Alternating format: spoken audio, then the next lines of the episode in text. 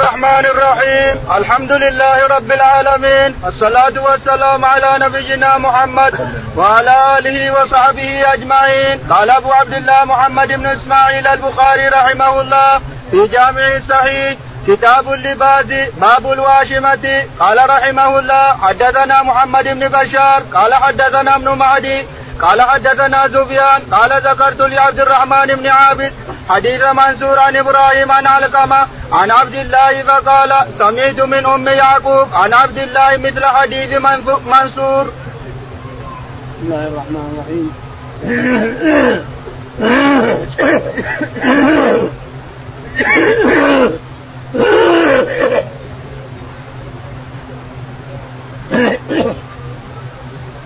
بسم الله الرحمن الرحيم. الحمد لله رب العالمين وصلى الله على نبينا محمد وعلى آله أجمعين. يقول الإمام الحافظ أبو عبد الله البخاري رحمه الله في صحيحه ونحن ما نزال في كتاب اللباس. يقول رحمه الله باب باب الواشمة الواشمة والمستوشمة والنامسة والمتنمسة إلى آخر هذه الكتب أنها ملعونات يوم القيامة ملعونات يوم القيامة.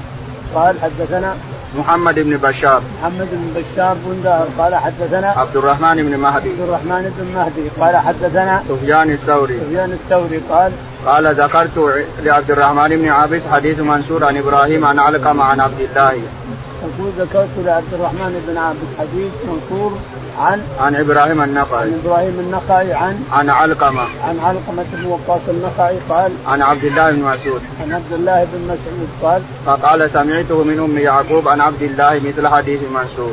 قال سمعته من أم عبد الله مثل حديث ابن منصور يعني سواء بسواء كل شاهد.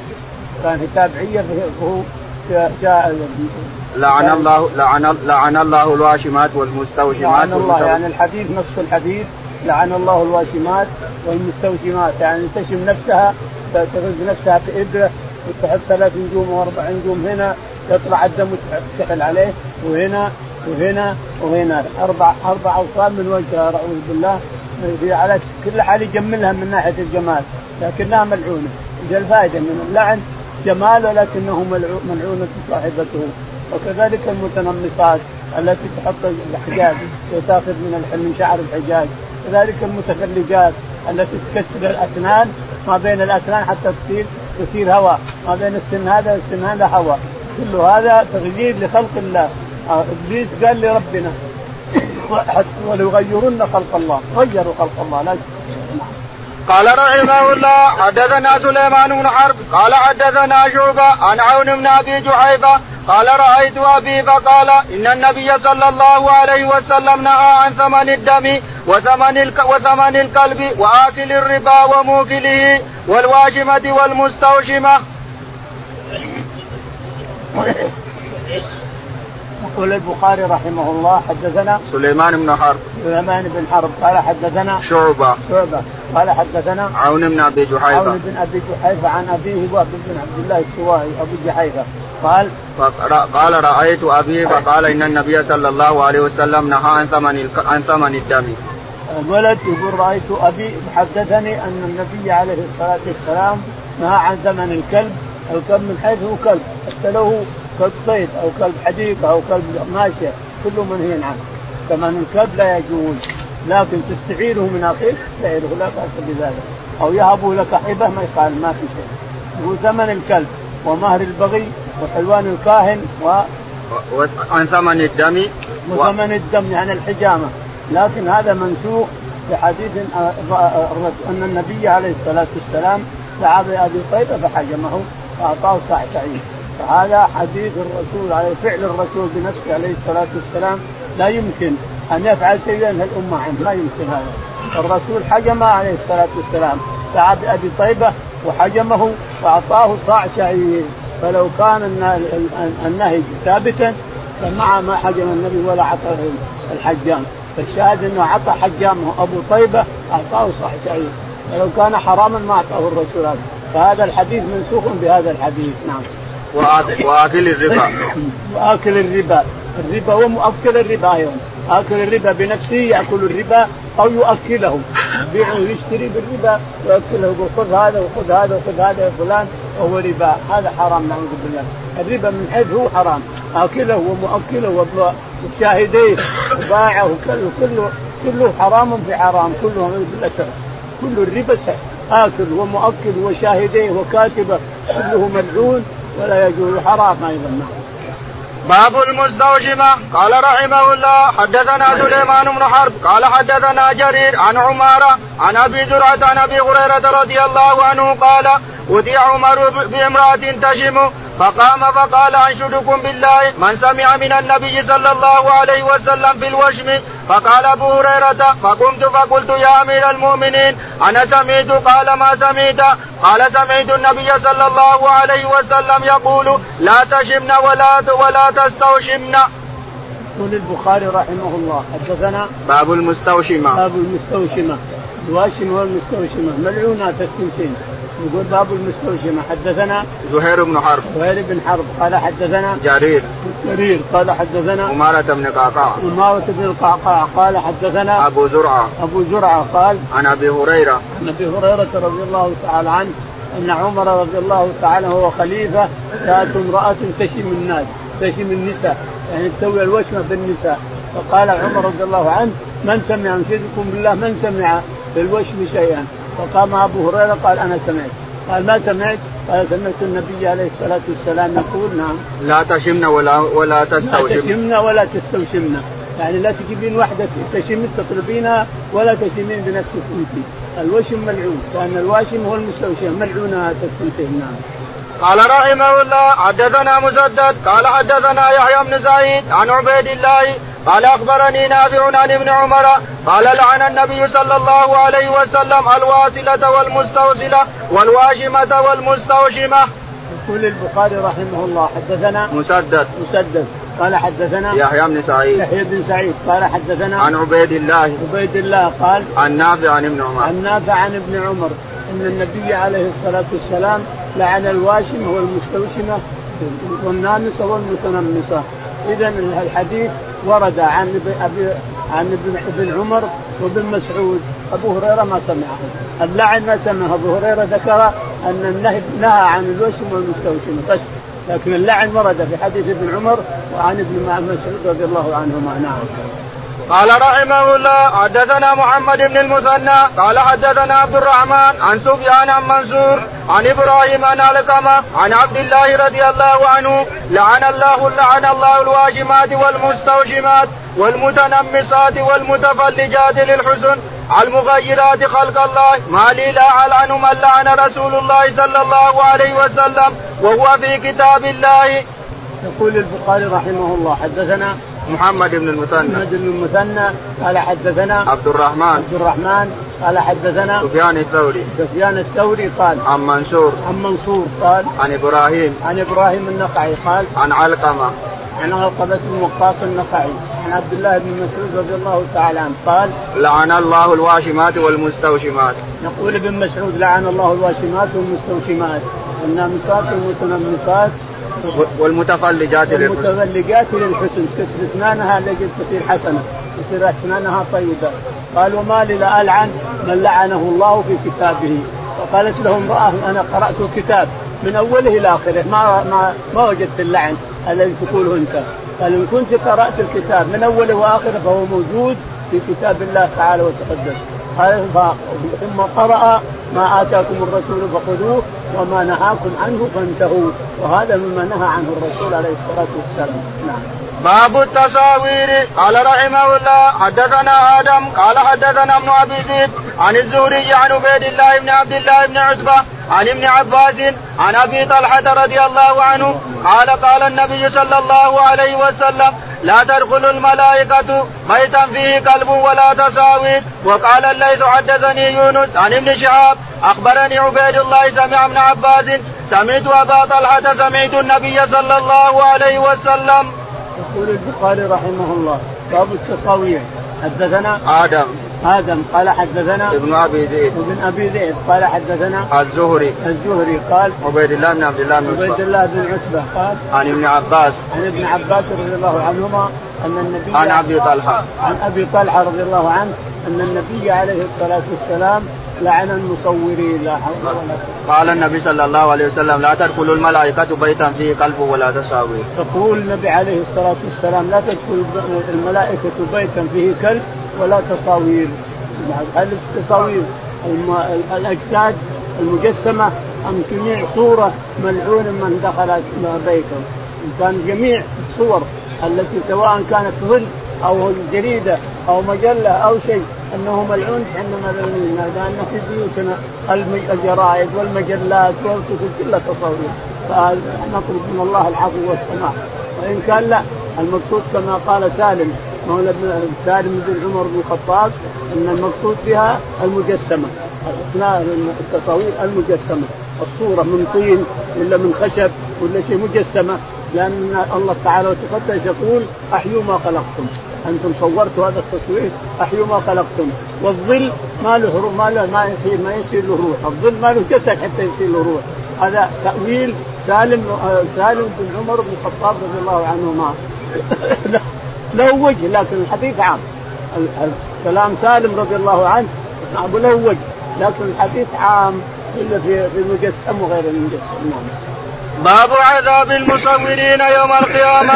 قال رحمه الله حدثنا الحميدي قال حدثنا سفيان قال حدثنا الأعمش عن مسلم قال كنا مع مسروق نعم. في دار يسار بن نمير قرأ في سفته تماثيل فقال سمعت عبد الله قال سمعت النبي صلى الله عليه وسلم يقول إن أشد الناس عذابا عند الله يوم القيامة المصورين. يقول البخاري رحمه الله حدثنا باب عذاب المصورين. باب عذاب المصور ما هو عذابه يوم القيامة؟ حدثنا الحميدي. الحميدي قال حدثنا سفيان. سفيان قال حدثنا الأعمش. الأعمش قال مسلم بن صبيح. مسلم بن صبيح قال عن مسروق. عن مسروق بن الأجدع قال كنا في دار يسار بن نمير فرأى في سفة تماثيل. كنا في دار يسار بن نمير وقال في غرفة فيها تماثيل قال فقال سمعت عبد الله قال سمعت النبي صلى الله عليه وسلم يقول إن أشد الناس عذابا عند الله يوم القيامة المصورين. يقول المصورون. سمعت عبد الله بن مسعود يقول إن النبي عليه الصلاة والسلام قال أشد الناس عذابا يوم القيامة المصورين، ليش؟ لأنهم يؤمرون بخلق ما خلقه الله، انفخ الروح في هذا الشيء اللي صورت انفخ الروح فيه، ما يقدر ينفخ، ما يستطيع، ما يستطيع ينفخ الروح في هذه اللي صورها، اذا عذاب جهنم نعوذ بالله. يلقى في جهنم. يلقى في جهنم يعذب وأعظم عذاب عذاب جهنم. لو وقع اذا رمي الإنسان بجهنم نعوذ بالله. يتمنى أن الله ما خلقه. قال رحمه الله حدثنا إبراهيم بن المنذر قال حدثنا أنس بن عياد عن عبيد الله عن نافع عن عبد الله بن عمر رضي الله عنهما أخبره أن رسول الله صلى الله عليه وسلم قال إن الذين يصنعون هذه السور يعذبون يوم القيامة. يقال لهم أحيوا ما خلقتم. يقول البخاري رحمه الله حدثنا إبراهيم بن المنذر. إبراهيم بن المنذر قال حدثنا أنس بن عياض. أنس بن عياض قال عن عبيد الله. عن عبيد الله قال عن نافع عن ابن عمر. عن نافع عن ابن عمر أن النبي عليه الصلاة والسلام قال إن المصورين يقال لهم يوم القيامة أحيوا ما خلقتم. يؤمرون أن يحيوا ما خلقوا. انفقوا الروح في هذه الصور صورت صور انفخ الروح فيها. ما يقدر ينفخها يلقى في جهنم نعوذ بالله. وأعظم عذاب عذاب جهنم. اعظم عذاب ومن المشكلة نعوذ بالله أن المصور ملعون. والناس اليوم كانوا استديوهات استديوهات التصوير. يعني يستبيحونها ولو لعنوا ولو حرام ثمن حرام وملعون لكن يستبيحون. يعطي استديو ويصور أوادم ويصور كذا ويصور كذا ويصور إلى آخره. باب نقد الصور قال رحمه الله حدثنا معاذ بن فضالة. قال حدثنا هشام يحيى عن عمران بن عن عمران بن حطان أن عائشة رضي الله عنها حدثته أن النبي صلى الله عليه وسلم لم يكن يترك في بيته شيئا فيه تصاليب إلا نقضه. يقول البخاري رحمه الله باب نقد التصاوير. حدثنا معاذ بن فضالة. معاذ بن فضالة قال حدثنا هشام. هشام قال حدثنا يحيى. يحيى قال عن عمران بن حطان. عن عمران بن حطان قال عن عائشة. عن عائشة رضي الله عنها أنها جعلت ان أن النبي صلى الله عليه وسلم لم يكن يترك في بيته شيئا فيه تصاليب. أن النبي عليه الصلاة والسلام لم يكن يترك شيئا فيه تصاليب يعني أو تصاوير. تصاوير أو تصاليب حتى الصليب هذا اللي يشبه صليب النصارى ما يجوز اتخاذه في البيت. الصليب هذا. لكن لو حطيته الإنسان كذا فوق يصير مشعاب جاز حينئذ. لكن تحط صليب مثل صليب النصارى شابه النصارى لا يجوز. إلا نقضه. ما ما وجد صليبا إلا نقضه يعني كسره. أو كانوا مخلوق الثياب نقضه وشدده قال رحمه الله قال رحمه الله حدثنا موسى بن إسماعيل قال حدثنا عبد الواحد قال حدثنا عمارة قال حدثنا أبو زرعة قال دخلت مع أبي هريرة دارا بالمدينة فرأى فرأى أهلها مصورا يصور قال سمعت رسول الله صلى الله عليه وسلم يقول ومن أظلم ممن ذهب يخلق كخلقي فليخلقوا حبة وليخلقوا ذرة. ثم دعا بتور من ماء فغسل يديه حتى بلغ إبطه. فقلت يا أبا هريرة أشيء سمعته من رسول الله صلى الله عليه وسلم؟ قال منتهى الحلية. يقول البخاري رحمه الله حدثنا موسى. موسى بن إسماعيل قال حدثنا عبد الواحد. عبد الواحد قال عمارة. عمارة قال حدثنا أبو زرعة. أبو زرعة قال قال دخلت مع أبي هريرة دارا بالمدينة فرأى أهلها مصورا يصور. يقول إنه دخل دارا مع أبي هريرة رضي الله عنه فرأى في الدار عند أهلها مصورا يصور. وقال ما هذا؟ سمعت النبي عليه الصلاة والسلام يقول انه سينفع انه يؤمرون أن ينفقوا فيه الروح وليس بنادر ثم دعا بماء في ثور وغسل الطين الذي يصورون فيه التماثيل ويمسحون فيه الجدران. لا غسله غسله ثم غسل يديه إلى الآخر فقلت له أسمعت هذا؟ أنت من رسول الله؟ قال حلية يعني سمعت إلى هنا وصل إلى حنجر قال رحمه الله قال قال باب باب باب ما وضع من التصاوير. قال رحمه الله حدثنا علي بن عبد الله قال حدثنا قال حدثنا سفيان قال سمعت عبد الرحمن بن القاسم وما بالمدينة يومئذ أفضل منه أفضل منه. قال سمعت أبي قال سمعت عائشة رضي الله عنها. قدم رسول الله صلى الله عليه وسلم من سفر وقد سترت بقرام لي على سهوة لي فيها تماثيل. فلما رآه رسول الله صلى الله عليه وسلم حتكه وقال شد الناس عذابا يوم يوم القيامة الذين يضاهون بخلق الله قالت فجعلناه وسادة أو وسادتين. يقول البخاري رحمه الله حدثنا باب ما وضع من التصاوير. باب ما وضع من التصاوير واستطعت الإنسان أن تنكره أو تشققه ان كان في أهلك وفي بيتك. حدثنا علي بن عبد الله. علي بن عبد الله قال حدثنا سفيان بن عيينة. سفيان بن عيينة قال عن عبد الرحمن بن القاسم. عبد الرحمن بن القاسم وكان أفضل أهل المدينة ذلك اليوم. قال حدثنا أبي. أبي والقاسم. قال سمعت عائشة رضي الله عنها. سمعت عائشة عمته أن النبي قالتها أن النبي عليه الصلاة والسلام قال قدم من سفر وقد سترت بقرام لي على سهوة عائشة رضي الله عنها أن النبي قدم من سفر وكانت قد وضعت سترا سهوة فيها تصاوير. سهوة سجادة كبيرة. سجادة كبيرة. يقال إنها منصوبة ويقال إنها منقطن يعني ما رأيت أحد من الشراح ذكر هذا. الشاهد أنه وقف بالباب زعلان. قال تعوذ بالله بالله من من غضبك يا رسول الله ما الذي أغضبك؟ قال هذه التصاوير لا تدخل الملائكة بيتا فيه صورة. فقامت شققتها وجعلتها وسادتين فجلس عليها. معنى هذا أن الصورة إذا إذا كانت تهان فطاها الإنسان برجولك أو توسدها أنه جاز استعمالها. لأنها إذا أهينت ما صارت شبيه. شبيهة لخلق الله، لكن إذا بقيت شبيهة لخلق الله هذا ملعون الإنسان ولا يجوز يحطها في بيته، لكن إذا شققتها أو وضعتها وسائدة أو فرشتها بالأرض توطى راح راح راح راحت قيمتها جاز حينئذ لأنها أهينت وأذلت صارت ما لها قيمة. نعم.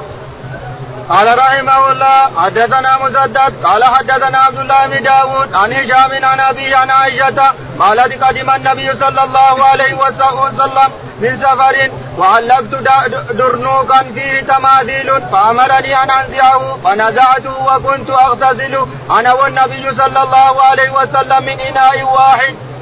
يقول عائشة يقول البخاري حدثنا مسدد. مسدد قال حدثنا عبد الله. عبد الله قال حدثنا عن هشام. عن هشام قال عن أبيه عروة. عن أبي عروة بن بن الزبير قال عن عائشة. عن عائشة رضي الله تعالى عنها أن النبي عليه الصلاة والسلام قدم من سفر رأى سهوه فيها تصاوير فغضب على عائشة وقال الملائكة لا تدخل بيتا فيه صورة في تصاوير. فزقتها وجعلتها مخدات يتكى عليها الرسول فاتكى عليها الرسول عليه الصلاة والسلام وكما حدثنا إنها إذا أهينت لا بأس بذلك، لا بأس باستعمالها إذا أهينت. تقول وكنت أغتسل أنا والنبي عليه الصلاة والسلام من إناء واحد، يعني فيه قدر قدر كبير فيه ماء، هي وجهها هنا وهو وجهه هنا، هي تغرف وتغتسل وهو يغرف ويغتسل، القدر بينهم، هي وجهها هنا وتغرف وتغسل نفسها، وهو عليه الصلاة وجهه هنا يغرف ويغتسل، حتى أبقني وهو يقول أبقيني، وهو يقول أبقني جائز أن تغتسل أنت وزوجتك عريانين جائز هذا نعم.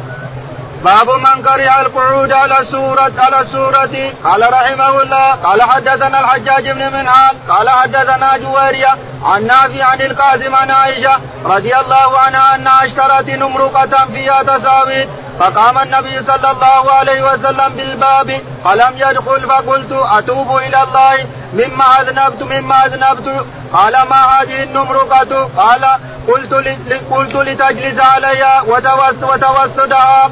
إن أصحاب هذه السورة يعذبون يوم القيامة يوم القيامة. يقال لهم أحيوا ما خلقتم وإن الملائكة لا تدخل بيتا فيه سورة.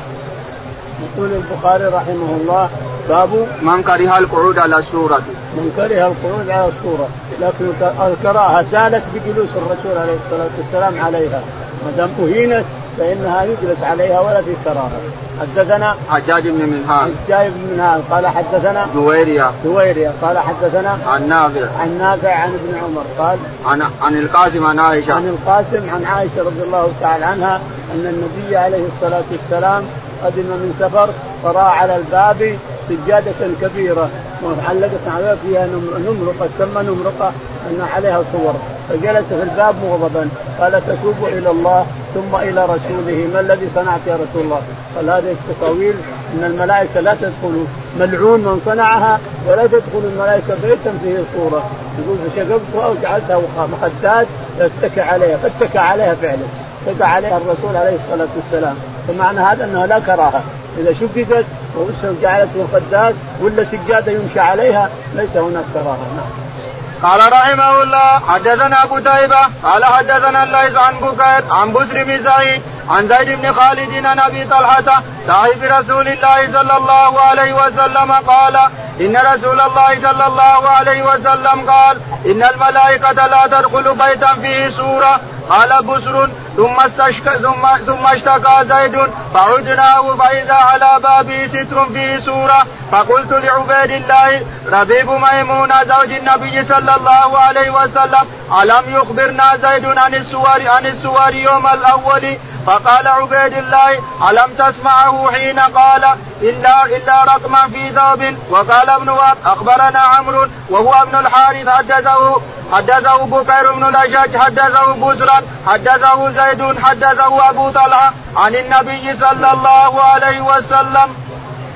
يقول البخاري رحمه الله باب تابع للباب. تابع. حدثنا قتيبة. قتيبة. قال حدثنا الليث بن سعد. الليث بن سعد. قال حدثنا بكير بن الأشج. بكير بن الأشج. قال حدثنا عن بسر بن سعيد. عن بسر بن سعيد. قال عن زيد بن خالد. عن زيد بن خالد. قال عن أبي طلحة. عن أبي طلحة رضي الله تعالى عنه. قال إن النبي عليه الصلاة والسلام قال إن الملائكة لا تدخل بيتا فيه صورة. يقول ان الملائكة إن النبي عليه الصلاة والسلام قال الملائكة لا تدخل بيتا فيه صورة. التصاوير من حيث هي تصاوير لا تدخل الملائكة بيتا فيه صورة. يقول فاشتكى عبيد الله.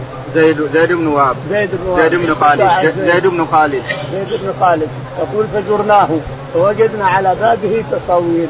يقول ألم يقل إن الرسول نهى عن التصاوير فلم تسمعه يقول إلا رقما في ثوب. يعني هذه الحاشية. الحاشية هنا صار فيها تصاوير ولا فيها ذهب ولا فيها يعني نفس. لا بأس بها. حاشا هذه اصبع واصبعين مسموس فيها. قال الم تسمعه. يقول إلا رقما في ثوب يعني مباح. الرقم بثوب لا بأس بذلك. نعم. باب كراهية الصلاة في التصاوير قال رحمه الله حدثنا عمران بن ميسرة. قال حدثنا عبد الوارث. قال حدثنا عبد العزيز بن صهيب. عن أنس رضي الله عنه قال كان قرام لعائشة سترت به جانب بيتها فقال لها النبي صلى الله عليه وسلم عميقي عني فإنه لا تزال تساوره تعرض لي في صلاتي. يقول البخاري رحمه الله حدثنا باب كراهية الصلاة باب كراهية الصلاة على التصاوير يعني حتى لو كانت على الأرض. سجادة فيها تصاوير الأرض مكروه الصلاة فيها بل قد تشوش عليك الإنسان ولا تعرف ما تصلي. فإذا كانت التصاوير فيها فلا يجوز الصلاة فيها. ما مكروه الصلاة فيها لأنها تشوش عليك الإنسان. ولهذا النبي عليه الصلاة والسلام لما صلى على سجادة فيها أعلام أو تصاوير قال اذهبوا بهذه إلى البجام وأعطوني أنبجاميته لأنها سادة. سادة ما فيها شيء مثل السجادة هذه. سادة ما فيها شيء ما تشوش على الإنسان. فالإنسان يحرص على أن يصلي على شيء لا يشوش عليه ولا يطيب عليه صلاته. ساده السجاده ولا على الأرض أحسن لك يقول نعم.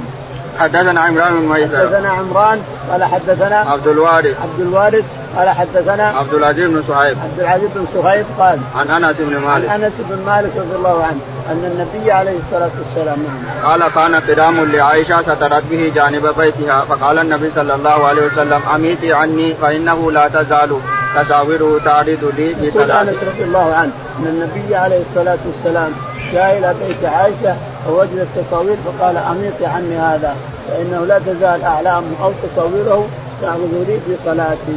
ما لا بس انها تشوش على الإنسان. الإنسان مطلوب في الصلاة لا يشتغل قلبه بشيء. لا لا يجوز أن يصلي وهو حاقن ولا حاقب ولا في تصاوير ولا أمامه شيء يلهيه. لا, لا يجوز هذا. ادخل الصلاة وقلبك فارغا لرب العالمين تعالى وتقدس. نعم. باب لا تدخل الملائكة بيتا فيه سورة. قال رحمه الله حدثنا يحيى بن سليمان قال حدثني ابن وهب قال حدثني عمرو وهو ابن محمد. عن عن سالم عن أبيه قال وعد النبي صلى الله عليه وسلم جبريل فراس عليه حتى اشتد على النبي صلى الله عليه وسلم. فخرج النبي صلى الله عليه وسلم فلقيه فشكى إليه ما وجد فقال له إنا لا ندخل بيتا فيه سورة ولا قلب. يقول البخاري رحمه الله باب لا تدخل الملائكة بيتا فيه سورة. بيت فيه سورة ولا كلب يعني في الحديث. يقول حدثنا يحيى بن سليمان. يحيى بن سليمان قال حدثنا ابن وهب. ابن وهب قال حدثنا عمر بن محمد. عمر بن محمد قال عن سالم. عن سالم قال عن أبيه عبد الله عن أبيه عبد الله بن عمر قال قال وعد النبي صلى الله عليه وسلم جبريل فراث عليه. يقول إن جبريل وعد النبي عليه الصلاة والسلام أن يأتيه فتأخر عليه. ما جاء وعده أن يأتيه. وجبريل ما يمكن يخلف الموعد. فتأخر عليه ما جاء. فخرج عليه الصلاة والسلام. ما درى الرسول أن فيه جرو كلب تحت السرير. فيه جرو في الغرفة اللي فيها الرسول والسرير اللي نايم عليه عليه الصلاة والسلام. فيه جرو كلب دخله في غفلة وصار تحت السرير ما درى عنه. فخرج ووجد جبريل خارج البيت. ما لك كذا؟ قال إن لنا إن لا ندخل بيتا فيه صورة ولا كلب. فدخل وجد الكلب واخرجه فدخل جبريل عليه الصلاة والسلام. والصورة ما قلت. صورة أتتها قبل أن يأتي جبريل.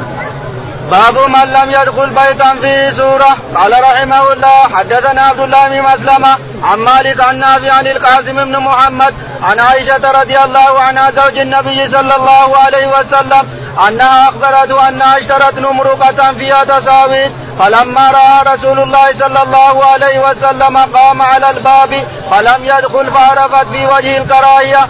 قالت يا رسول الله يتوب إلى الله وإلى رسوله. ما أذنبت؟ قال ما بال هذه النمرقة؟ فقالت اشتريتها لتقعد عليها وتوسدها. فقال رسول الله صلى الله عليه وسلم إن أصحاب هذه السور يعذبون يوم القيامة ويقال لهم أحيوا ما خلقتم وقال إن البيت الذي فيه السور لا تدخله الملائكة.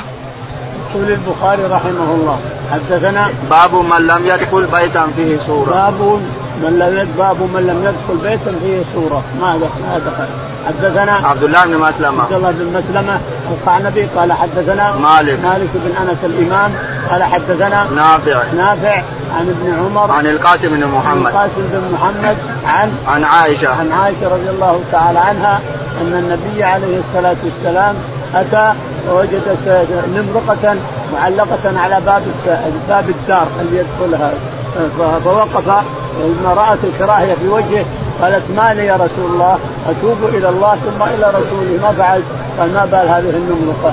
إنها لا تزال ما باب هذه النمرقة. إن الملائكة لا تدخل بيتا فيه هذه هذه التصاوير. يعني لا تدخل البيت ولا فيه كلب ولا صوره فقالت اشتريتها لتقعد عليها وتوسد فقال اشتريتها لتقعد عليها. هي مجتهدة مسكينة لكن الاجتهاد قد يكون خطأ. قد يكون الاجتهاد خطأ ولا هي مجتهدة؟ يعني تريد أن تفرح النبي يجلس عليها. لكن صارت معصية. ولما كانت معصية غضب. ولما غضب جزعت وتابت إلى الله تعالى وتقدم الشاهد أنها أزالتها. شققتها كما مرنا مرتين أو ثلاث. شققتها وجعلتها مخدات فاتكى عليه عليه الصلاة والسلام. باب من لعن المزور قال رحمه الله حدثنا محمد بن المثنى قال حدثني غندر قال حدثنا شوبة عن عون بن أبي جحيفة عن أبيه أنه أنه اشترى غلاما حجاما فقال إن النبي الله صلى الله عليه وسلم نهى عن ثمن الدم وثمن الكلب وكسب البغي ولعن آكل الربا وموكله والواشمة والمستوشمة والمصور. يقول البخاري رحمه الله حدثنا باب من لعن المصور باب من لعن المصور باب لعن الدم يعني ثمن الحجامه لكن هذا منسوخ بفعل الرسول عليه الصلاة والسلام وأنه حجمه أبو طيبة وأعطاه أجرته صاع شعير. وكلم مواليه أن يخففوا من ضريبته يشتغل والضريبة قد تكون 40 درهم أو 50 درهم يخففون عن ضريبته. يعني ما يأخذونها كلها يعطون شيء يشتغل فيه ينتفع فيه ويأخذون بعضها. يأخذون نصفها يعطونه نصفها.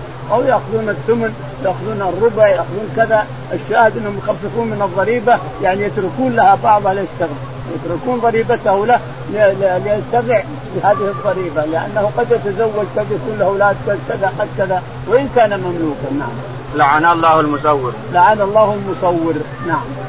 باب من صور سورة كلف يوم القيامة أن ينفخ فيها الروح وليس بنافق قال رحمه الله حدثنا عياش بن الوليد قال حدثنا عبد العالى قال حدثنا زيد قال سمعت النضر بن أنس بن مالك يحدث يحدث قتادة قال كنت عند ابن عباس وهم يسألون وهم يسألونه ولا يذكر النبي صلى الله عليه وسلم حتى سئل فقال سمعت محمدا صلى الله عليه وسلم يقول من صور سورة في الدنيا كلف يوم القيامة أن ينفخ فيها الروح وليس بنافخ.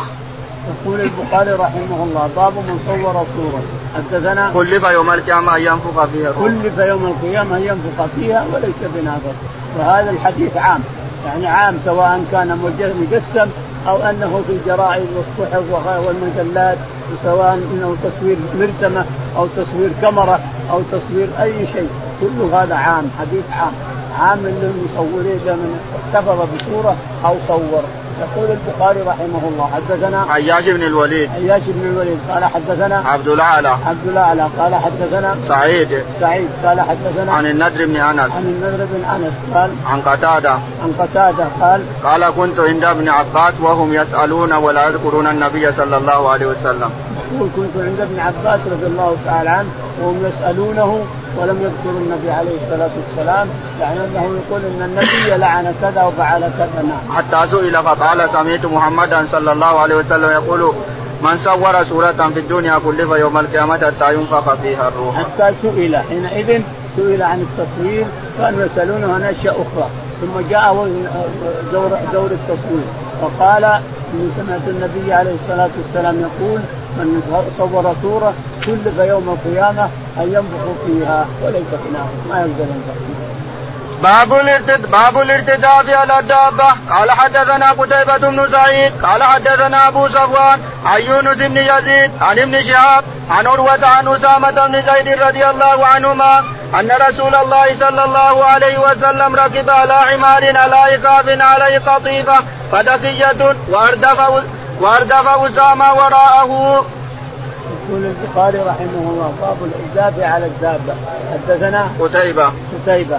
قال حدثنا أبو صفوان. أبو صفوان سعيد بن أبي سعيد بن عبد الملك بن مروان.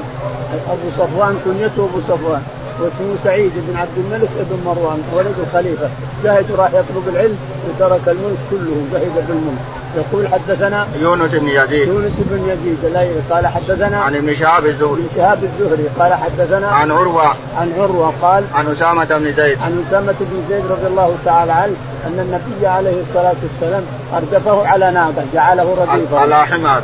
على حمار ردفه على حمار. أسامة بن زيد نعم. ردفه على حمار. هل تكرر الإرداف على الحمار حيث أردف الرسول معاذ بن جبل على حمار. وهذا أسامة بن زيد على حمار. فهل تكرر الارداف على حمار يمكن الله أعلم. نعم. قال باب باب الثلاثة على الدابة. قال رحمه الله حدثنا مسدد. قال حدثنا يزيد بن زريع. قال حدثنا خالد عن إكرمة عن ابن عباس رضي الله عنهما. قال لما قدم النبي صلى الله عليه وسلم مكة استقبله غيلمة وغيلمة بني عبد المطلب. فحمل واحدا بين يديه والآخر خلفه. يقول البخاري رحمه الله باب الارداف على الدابة ثلاثة على الدابة السنين يقول حدثنا مسدد. مسدد. قال حدثنا يزيد بن زريع. يزيد بن زريع. قال حدثنا عن خالد الحذا عن خالد الحذا قال عن عكرمة عن ابن عباس. عن عكرمة عن ابن عباس رضي الله عنهما أن النبي عليه الصلاة والسلام اردف واحد قدامه وهو الحسن بن علي. لما قدم النبي صلى الله عليه وسلم مكة استقبله غيلمة من بني عبد- وغيرهم. بني عبد المطلب. من بني عبد المطلب. فأردى فأخذ الحسن حطه قدامه وأخذ عبد الله بن جعفر حطه وراءه خلفه وكان ابن الزبير يمشي في الأرض لكن ما ما أخذه ما ما أركبه. عبد الله بن الزبير كان يجري معهم طفل يجري معهم ما أردفه لأن ما في مكان خلاص. حط واحد قدام وواحد وراء وهو بالوسط ثلاثة. جائز. هذا معناه جواز الإرداف على الدابة ثلاثة فأكثر. لكن إذا كان ما تستطيع الإرداف أو ما تستطيع فلا يجوز الإرداف عليه إذا كانت ما تستطيع. إنما يجوز ت- يركبها ثلاثة. واحد على الشداد واحد على الغارب وواحد على المركب. لكن الكبير ما يستطيع يرك- يركب. الكبار الثلاثة ما يستطيعون يركبون على ناقة. انما لأن اثنين يمكن واحد على الشتات وواحد خلفه يمكن هذا اللي عادة الناس إنه يركبون اثنين فقط هذا الرجال الكبار. وأما الصغيرين كانت ترجع ثلاثة وأكثر من الثلاثه بعد إذا صاروا اكبر نعم. باب حمل صاحب الدابة غيره بين يديه وقال بعضهم صاحب الدابة أحق بصدر الدابة إلا أن يأذن له. قال رحمه الله حدثنا محمد بن بشار قال حدثنا عبد الوهاب قال حدثنا أيوب ذكر الأشر ذكر الأشر الثلاثة عند إكرمة فقال قال ابن عباس أتى رسول الله صلى الله عليه وسلم وقد حمل قثم بين يديه والفضل خلفه أو قثم خلفه والفضل بين يديه فأيهما شر أو, أو, أو, أو أيهما خير؟ يقول البخاري رحمه الله حدثنا باب حمل صاحب الدابة غيره بين يديه. حمل صاحب الدابة غيره معه معه أو أو وحده. حدثنا وقال بعضهم صاحب الدابة أحق بصدرها. قال بعضهم حق صاحب الدابة أحق بمقدم الدابة. صاحب الدابة أحق مقدم يعني أنا عندي سيارة وبركب معي ضيوف أنا أحق قدام أركب قدام هم يركبون من وراء. وكذلك الناقة كذلك العمار. هذا كل شيء. كل شيء صاحب الدابة أحق بالمقدم. نعم. إلا أن يأذن له. إلا أن يأذن الشخص يأذن أن يكون قدام أنا تعال فلان صير قدام أنا بصير وراء. لا ما إلا لازم تصير قدام وأنا أصير وراء. جائز إذا أذن لا بأس به. وإلا فهو أحق بمقدم الدابه حدثنا محمد بن بشار. محمد بن بشار. قال حدثنا عبد الوهاب. عبد الوهاب. قال حدثنا أيوب. أيوب. قال حدثنا ذكر الأشر الثلاثة. ذكر اشر الثلاثة. من هو أشرهم الثلاثة؟ عند عكرمة. عند عكرمة. عند عكرمة مولى ابن عباس. قال فقال قال ابن عباس أتى رسول الله صلى الله عليه وسلم وقد حمل قثم قثم بين يديه والفضل خلفه أو قثم خلفه والفضل بين يديه فأيهما شر أو أيهما خير. يقول رضي الله عنه الفضل يقول إن ابن عباس رضي الله عنه انه ذكر قال إنه شر إنه اردف الرسول شر إن يحسبون ابن الزبير معهم يرون إنه شر ابن الزبير إنه شر. إنما الرسول عليه الصلاة والسلام ادى الف- الفضل قدام وال- واخوه وال- كثم كثم بن بن عباس وراء أو أو قثم قدام قثم هذا الذي حضر غسل النبي عليه الصلاة والسلام. لما مات قثم بن عباس بن عبد المطلب حضر غسل الرسول عليه الصلاة والسلام لما مات. هذا قثم ولد العباس والفضل ولد العباس وعبد الله ولد العباس. كثير. 11 نفر أولاد العباس بن عبد المطلب. فالشاهد قثم قدام والفضل وراء. إلى آخره. فأيهما شر؟ يعني يستهدي بمن يقولون شر هذا شر وهذا خير. ما في شر ولا خير. باب قال رحمه الله حدثنا حجبة بن خالد قال حدثنا حمام قال حدثنا قتادة قال حدثنا أنس بن مالك عن معاذ بن جبل رضي الله عنه قال بين أنا رديف النبي صلى الله عليه وسلم ليس بيني وبينه إلا آخرة الرحل. فقال يا معاذ قلت لبيك يا لبيك رسول الله وسعديك ثم سار ساعة ثم قال يا معاذ قلت لبيك يا رسول الله وسعديك ثم سار ساعة ثم قال يا معاذ قلت لبيك رسول الله وسعديك قال هل تدري ما حق الله على عباده؟ قلت الله ورسوله أعلم. قال حق الله على عباده أن يعبدوه ولا يشركوا به شيئا. ثم سار ساعة ثم قال يا معاذ بن يا معاذ بن جبل قلت لبيك رسول الله وسعديك. فقال هل تدري ما حق العباد على الله؟ إذا فعلوه قلت الله ورسوله أعلم. قال حق العباد على الله أن لا يعذبهم. يقول البخاري رحمه الله باب باب حدثنا عتبة بن خالد. حدثنا عتبة بن خالد قال حدثنا حمام بن يحيى. حمام بن يحيى قال حدثنا قتادة. قتادة قال عن أنس بن مالك. عن أنس رضي الله تعالى عنه قال عن معاذ بن جبل. عن معاذ بن جبل رضي الله عنه أنه ردف النبي عليه الصلاة والسلام على حمار وقال إنه على حمار. لكن شبه مقدم الحمار بالناقة انه يعني مقدم الرحل. ما بينه وبين الرسول إلا مثل إشداد مثل حلقه الرحل ولا ما هو إلا على حمار. والحمار ما يركب بإشداد. يقول فقال لي يا معاذ بن جبل ثلاث مرات يا معاذ يا معاذ يا معاذ. فقول لبيك وسعديك لبيك وسعديك ثلاث مرات. فقال أتدري ما حق ما حق الله على عباده؟ تدري ما حق الله على العباد؟ قلت الله ورسوله أعلم لا أدري ما أعلم. قال حق الله على العباد أن يعبدوه لاحظوا يا إخواني أن يعبدوه ولا يشركوا به شيئا. حق الله على العباد حق الله عليك يا عبد يا عبد أنت أن تعبده ولا تشرك به شيئا. جميع الشرك الشرك الأكبر والأصغر والخفي وغيره. أن يعبدوه ولا يشركوا به شيئا. ما جزاؤهم حينئذ. ثم قال يا معاذ أتدري ما حق العباد على الله؟ إذا وحدوه بهذا الشكل قلت الله ورسوله. قال لا يعذب من لا يشرك به شيء الله. لا يعذب من لا يشرك به شيء ما دام ما أشرك بربك أحد أبشر بالجنة يا إنسان. لا يعذب من لا يشرك به شيئا. تعالى وتقدس ما أوصفه وأرحمه.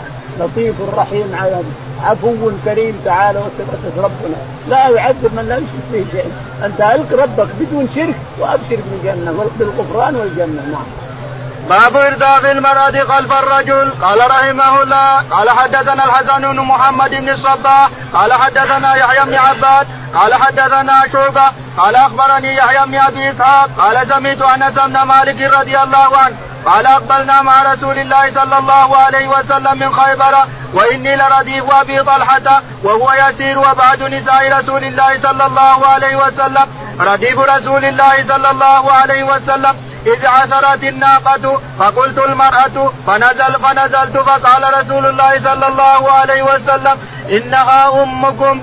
فشدت فشدت الرحل وركب رسول الله صلى الله عليه وسلم فلما دنا أو رأى أو رأى المدينة فقال آيبون تائبون عابدون لربنا حامدون.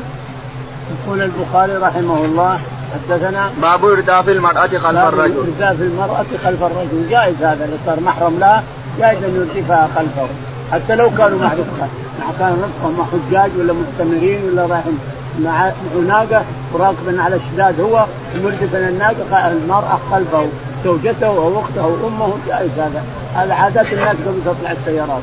قال حدثنا الحسن بن محمد. قال حدثنا بن محمد قال حدثنا يحيى بن عباس يحيى بن عباس قال حدثنا شعبة. شعبة قال عن يحيى بن أبي إسحاق. عن يحيى بن إسحاق قال عن أنس بن مالك. عن أنس رضي الله تعالى قال أقبلنا مع رسول الله صلى الله عليه وسلم من خيبر وإني لرديف أبي طلحة وهو يسير. يقول أنس وصلنا من خيبر خرجوا من خيبر مريدين المدينة متوجهين المدينة.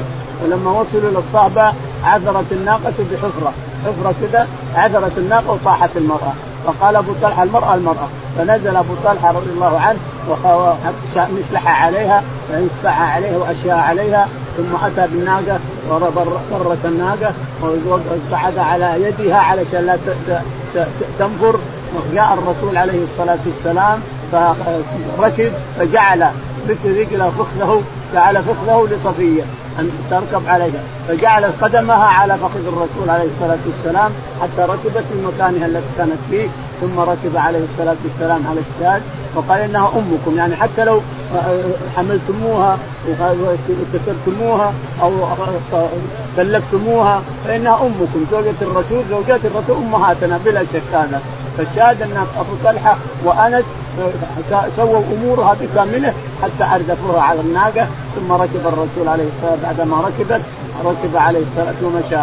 فلما أقبل على المدينة عليه الصلاة والسلام قال الله تائبون تائبون حامدون لربنا ساجدون لربنا حامدون. آيبون تائبون راكعون ساجدون عابدون لربنا عابدون لربنا حامد حامدون لربنا عابدون. هذا الدعاء مطلوب منك يا الإنسان عندما تلف إلى بلدك رايح البلد أو بلد أخرى تريد أن تقدم عليها تقول هذا الدعاء. آيبون تائبون ساجدون حامدون لربنا آيبون لربنا حامدون. هذا ومعه أحاديث كثيرة وردت. لكن البخاري اقتصر على واحد منها وهي كثيرة. اللهم رب السماوات ما اضلت ورب الارضين وما أقلت ورب الرياح وما درت ورب الشياطين وما أقلت. اجعل كل جار من خلقك كل جارا عن شر كل خلق من خلقك يا رب العالمين إلى آخره. وفيه أدعية كثيرة عند قدومك الإنسان على بلد تريد أن تقدمه سواء بلدك أو غيرها. أدعية كثيرة عند القدوم نعم. باب الاستلقاء ووضع الرجل على الأخرى. قال رحمه الله حدثنا أحمد بن يونس قال حدثنا إبراهيم بن سعد قال حدثنا ابن شهاب عن عباد بن تميم عن عمه أنه أبصر النبي صلى الله عليه وسلم يضطجع في المسجد رافعا إحدى رجليه على الأخرى. يقول البخاري رحمه الله باب وضع الرجل على الرجل في المسجد مستلقي مستلقيا في المسجد. يجوز في المسجد وفي غير المسجد. يعني استلقى على ظهرك الإنسان وضع رجل على رجل رافع رجل على رجل. إذا كان ما تنكشف العورة ولا عندك أحد يضر العورة فلا بأس بذلك.